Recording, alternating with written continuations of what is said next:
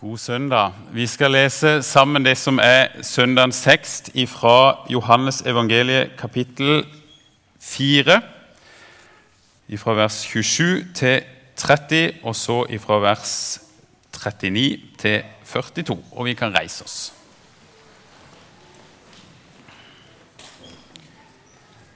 I det samme kom disiplene hans, og de undret seg over at han snakket med en kvinne. Men ingen av dem spurte han hva han ville, eller hvorfor han snakket med henne. Kvinnen lot nå vannkrukken sin stå og gikk inn i byen og sa til folk.: Kom og se en mann som har fortalt meg alt det jeg har gjort. Han skulle vel ikke være Messias? Da dro de ut av byen og kom til ham. Mange av samaritanerne fra denne byen kom til tro på Jesus pga. kvinnens ord da hun vitnet. Han har fortalt meg alt det jeg har gjort. Nå kom de til ham og ba ham bli hos dem, og han ble der i to dager. Mange flere kom til tro da de fikk høre hans eget ord, og de sa til kvinnen.: Nå tror vi ikke lenger bare på grunn av det du sa. Vi har selv hørt ham, og vi vet at han virkelig er verdens frelser. Amen.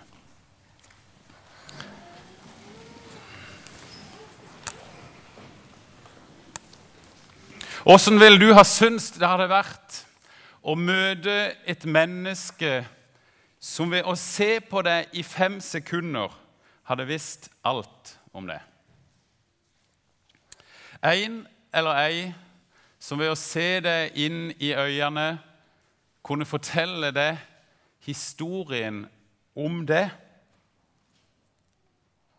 Alle de gode og og positive sidene dine, selvsagt, for du har jo en god del av dem. Men òg de mer mørke sidene, de innerste tankene dine, tingene som du gjorde, og som du aldri skulle ha gjort. Åssen ville det ha vært? Å møte noen som hadde fullstendig innblikk i det. Jeg må ærlig innrømme at jeg, jeg mistrives når jeg møter mennesker som jeg på en måte føler kan se tvers gjennom meg. Av og til så kan en få den følelsen når en møter noen personer. Og jeg liker det ikke. For det er ting her inne som jeg ikke vil at folk skal se. Jeg har ikke noe behov for at livet mitt med alt det jeg har gjort, skal bli bretta ut og synliggjort for hvem som helst. Hva skal de bruke det til? Hvem kommer de til å fortelle det videre til? Hva vil han eller hun tenke om meg dersom de visste? Med hvilke øyne vil de se på meg? Hvordan vil, de, hvordan vil de snakke om meg til andre? I dagens tekst så møter vi ei kvinne som har møtt en mann som ifølge hennes eget utsagn hadde fortalt henne alt hun hadde gjort. Hun hadde møtt en som virkelig hadde sett henne. Han hadde avslørt henne. Mannen hun hadde møtt, var Jesus. Og hva gjorde det med henne? Vi kommer midt inn i fortellinga. Vi møter Jesus med en brønn i samtale med ei kvinne. Vi kommer inn i fortellinga på en måte der disiplene kommer inn i fortellinga. De kommer, og de ser det samme som det vi ser. Jesus som samtaler med ei kvinne. Og For oss er det jo ikke noe merkelig i det, egentlig. Men for disiplene så var dette tydeligvis ganske merkelig. Det står at de undret seg. Og Det er kanskje ikke så rart, for blant noen rabbinere så ble det sagt det at man skulle ikke prate med kvinner på veien. Helst ikke de egen kone engang. Og, og de holdt det som forbudt å hilse på kvinner på veien. I tillegg så vet disiplene noe som vi på en måte ikke enda vet. Og det er at denne kvinna var samritaner. Og forholdet mellom jødene og samaritanerne ja, det var ikke noe særlig. Det blir tidligere i kapittelet bare kort beskrevet sånn som dette. For jødene omgås ikke samaritanene. Det sier vel i grunnen det meste. Men det ser egentlig ikke ut som om Jesus bryr seg så veldig mye om hva rabbinerne sa, eller hva han jo må ha visst at disiplene tenkte. For Jesus ser det heller ikke ut som om det betyr noe nevneverdig at hun herre dama tilhører en kategori med mennesker som han ikke omgås. Disiplene undrer seg, men de sier ingenting. Og jeg tenker at det var kanskje egentlig ganske klokt. Vi har lest litt i Markusevangeliet i vår familie i sommer. Og Fariseerne i begynnelsen av Markusevangeliet de er etter Jesus og disiplene hele tida. Hvorfor vasker ikke disiplene dine hendene når de skal spise? sier fariseerne. Hvorfor gjør de sånn som ikke er tillatt å gjøre på sabbaten? sier de når disiplene går gjennom en kornåger og plukker aks på sabbaten. De er liksom etter de, og de prøver å finne noe å sette fingeren på. Og de finner. Og da har de behov for å rope ut det de finner. De har behov for å si at sånn som dette, sånn kan det ikke være. En liten kontrast til disiplene som jeg kom til å tenke på da jeg leste teksten. Disiplene tida. Kanskje tenkte de at tross alt så vet Jesus best. Ting er ikke alltid sånn som vi tenker at de er med første øyekast. Det kan jo være at det er momenter som ikke vi har fått helt med oss. Kanskje vi òg av og til skulle øve oss i å tie. Og det har jo skjedd ting før her. Ting som disiplene ikke visste, men som vi vet, vi som har lest Johannes kapittel 4 før. Jesus har vært sør i landet, i Judea. Nå har han bestemt seg for å dra nordover, til Galilea. Og I begynnelsen av kapittel 4 så står det at, eh, en kommentar om at da måtte han dra igjennom Samaria. Han er altså i Samaria. På veien blir han sliten, og han kommer til en brønn. Det er sånn ca. midt på dagen, når sola står som høyest, og det kommer ei kvinne ut for å hente vann. Og så ber Jesus denne kvinna om å få vann. Og sånn innledes denne samtalen, som vi på en måte har kommet midt inn i i vår tekst. En samtale som resulterer i at kvinna lar krukka stå og går inn til byen og begynner å vitne. Kom og se en mann som har fortalt meg alt jeg har gjort. Han skulle vel ikke være Messias? Jesus var tørst, og han hadde bedt kvinna om vann. Og Hun stiller altså spørsmål ved at han som er jøde, spør hun, som er ei samaritansk kvinne, om vann. Og så svarer Jesus, om du hadde kjent Guds gave og visst hvem det er som ber deg om drikke, da hadde du bedt ham, og han hadde gitt deg levende vann. Kvinna står ansikt til ansikt med Han som har all makt i himmel og på jord. Han som kunne true vinden med et eneste ord, og vinden stilna. Han som kunne helbrede syke, ja, til og med vekke opp døde. Hun står ansikt til ansikt med Han som gir liv og opprettholder liv. Ja, Han som kan gi mer enn liv i dette livet. Han som kan gi evig liv. Og hun aner ikke hvem han er. Hun er så nær Jesus men hun kjenner ikke Guds gave. For hun så er han i første omgang bare en helt vanlig mann. Og jeg kjenner på at av og til så er det sånn for meg òg. Jeg går på møte. Jeg leser i Bibelen. Jeg ber. Jeg står på en måte ansikt til ansikt med Jesus. Men jeg er egentlig klar over hvem jeg har å gjøre med. Fatter jeg noe som helst av storheten i det som foregår? Jeg tror at ofte, eller iallfall noen ganger, så gjør jeg ikke det.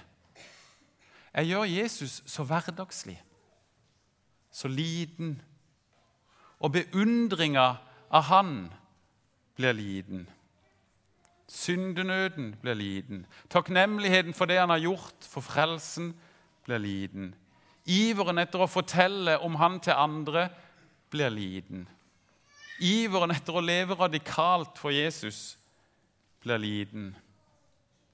Kvinna sto ansikt til ansikt med Jesus, men hun kjente ikke Guds gave. Er det sånn med oss òg? I dag så er Jesus her. Han har levende vann som han vil gi til oss. Han vil gi tilgivelse og frelse. Han vil gi liv. Evig liv. Kjente du Guds gave? Da hadde du bedt ham, og han ville gi deg.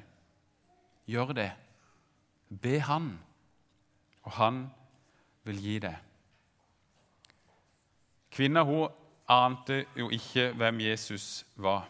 Men samtalen fortsetter, og det begynner å skje noe med kvinna. Jesus han viser at han kjenner henne, selv om hun aldri hadde møtt Jesus før.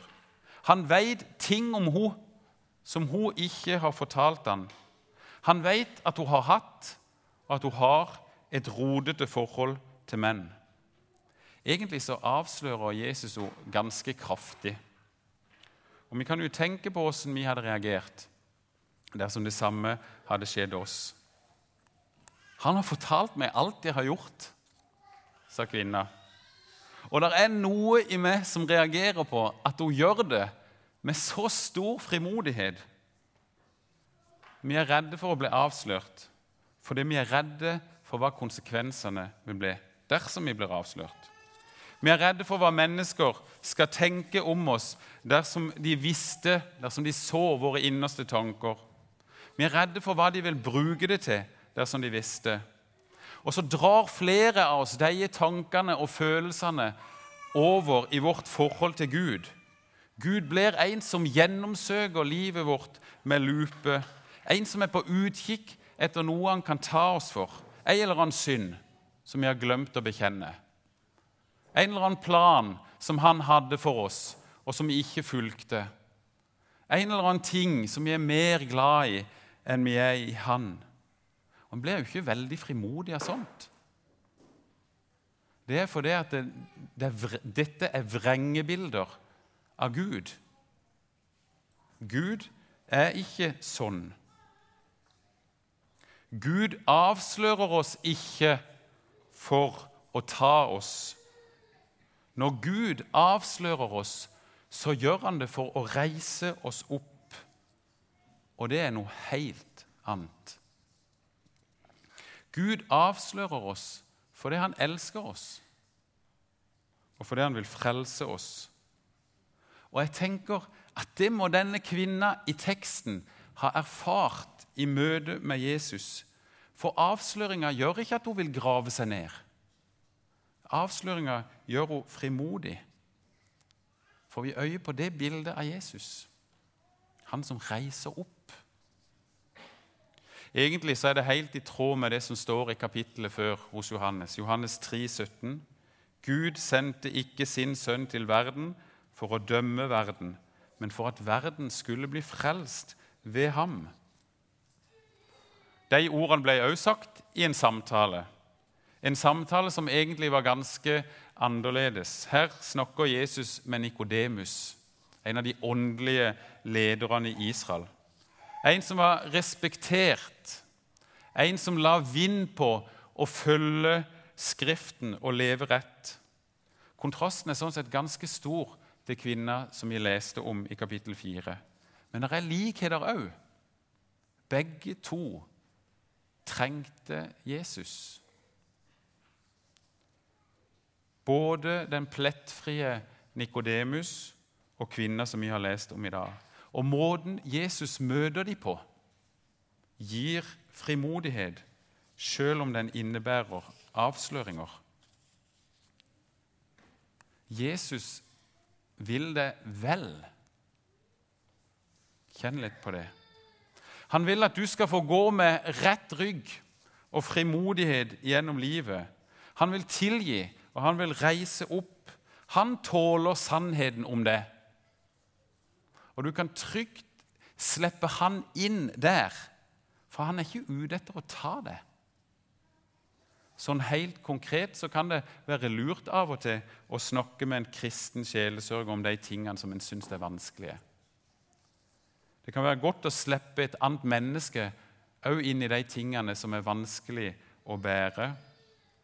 Og så tror jeg det skjer noe med oss når vi får møte Jesus, sånn som denne kvinna fikk ved Sykers brønn. Vi ser det på henne. Hun fikk en trang til å fortelle det videre til de andre, det som hun hadde fått erfare. Hun lar vannkrukka stå, og så går hun inn til byen og så begynner hun å forkynne. Kom og se! Kom og se en mann som har fortalt meg alt det jeg har gjort. Han skulle vel ikke være Messias? Og får respons.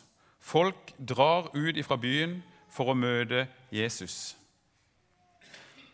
Frelse og misjon er samme sak, sa Arne Tolo til oss da vi gikk på misjonsskolen. Dersom du vil ha misjonsglød, sier Asbjørn Aarvig, så skal du ikke gå til fjellet der misjonsbefalinga ble gitt, men da skal du gå til et annet fjell. Der skal du gå opp til Golgata. Og jeg tror at de har rett. Der i møte med Frelseren som henger på korset istedenfor det, så skjer det noe med det. Syndebyrden din blir løfta av skuldrene dine, og du får en trang til å vitne om det du har opplevd. Du får en trang til å vitne om Han som du har opplevd. Mennesker som akkurat har møtt Jesus, de er ofte veldig frimodige evangelister. Og Jeg tror det går an å eie noe av denne nyfrelst frimodigheten dersom vi lever livene våre på Golgata. Dersom vi gang på gang tar turen opp der og skikkelig betrakter Jesus på korset og hører pulsslagene ifra korset som sier 'det var for det'. Det var for det. Det var for det. Kom og se. Det er den invitasjonen som vi kan gå ut med. Vi kan ikke skape tro. Ikke hos noen. Det er det Jesus som må gjøre. Men vi kan invitere mennesker til å møte Han. Vi kan med livene våre være med på å skape en tørst hos andre mennesker sånn at de får behov for levende vann. Vi er jordens salt, står det i Bibelen. Og En av de egenskapene som salt har, det er jo at det skaper tørst. Skaper livet ditt tørst hos andre etter å få møte Jesus? Samaritanerne ber Jesus om å bli hos dem, og han blir der i to dager. Og De får høre hans eget ord, og flere kommer til tro. Flere kom til tro da de fikk høre hans eget ord, står det i vers 41. Og Vi har hørt fra teksten fra romerbrevet som Torjus leste, der det står at evangeliet er Guds kraft til frelse for hver den som tror. Og her utenfor byens Syker så ser vi det i praksis.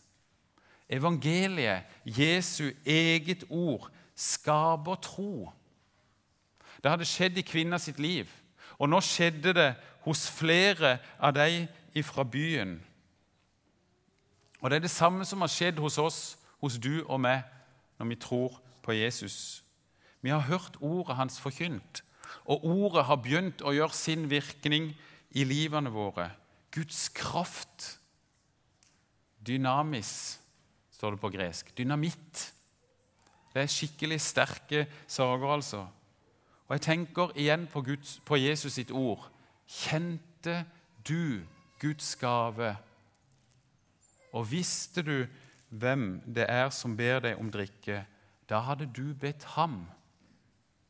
Aner vi noe av hva vi har å gjøre med her?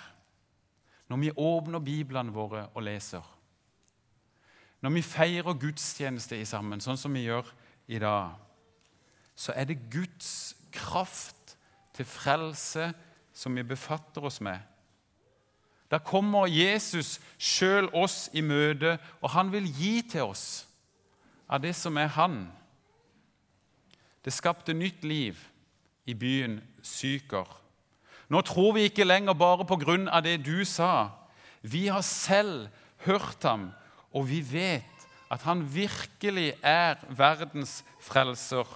Vi har selv hørt ham. Det sa de i Syker. Og det sier de i Pokot og i Voito. Det sier de i Cochabamba, og det sier de i Taipei. Det sier de på Randaberg, og det sier de her i Oslo òg. Til syvende og sist må vi erfare at det gjelder oss. Vi kan ikke bare basere oss på hva andre sier om Jesus, eller at andre har møtt han. Jeg trenger at Jesus møter meg. Jeg trenger at Jesus taler til meg. Jesus han kjenner det. Han vet hvem du er. Han vet om alle dine gode sider, alt det som er bra med deg. Men han vet om det andre òg. Det du har aller mest lyst til å bare skjule. Det du ikke er særlig stolt av de syndene som du ikke klarer å slutte med. Han vet om det, og han vil inn i det.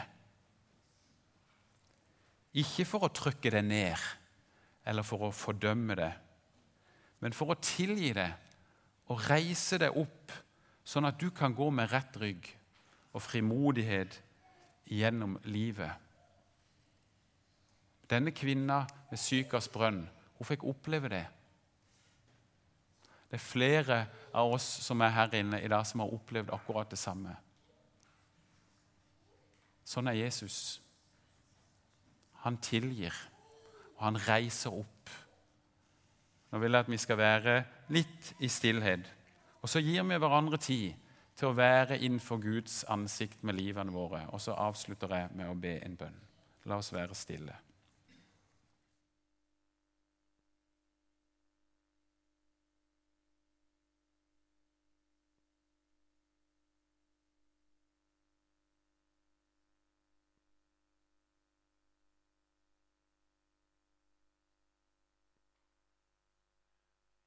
Far, vi takker deg for ordet ditt. Vi takker deg for at vi skal få lese det, og for at du møter oss der. Herre, så takker vi deg for at du sendte Jesus som vår frelser. Jesus, jeg takker deg for at eh, du kom, og for at du ville bære mine synder istedenfor meg. Takker deg for at du døde for mine synder istedenfor meg. Og jeg takker deg for at i det så skal jeg få være fullkommen rein, få være ditt frimodige, elska barn. Og Herre, nå ber jeg om at du må være nær hos oss, at du må møte den enkelte der du ser at vi trenger det. Amen.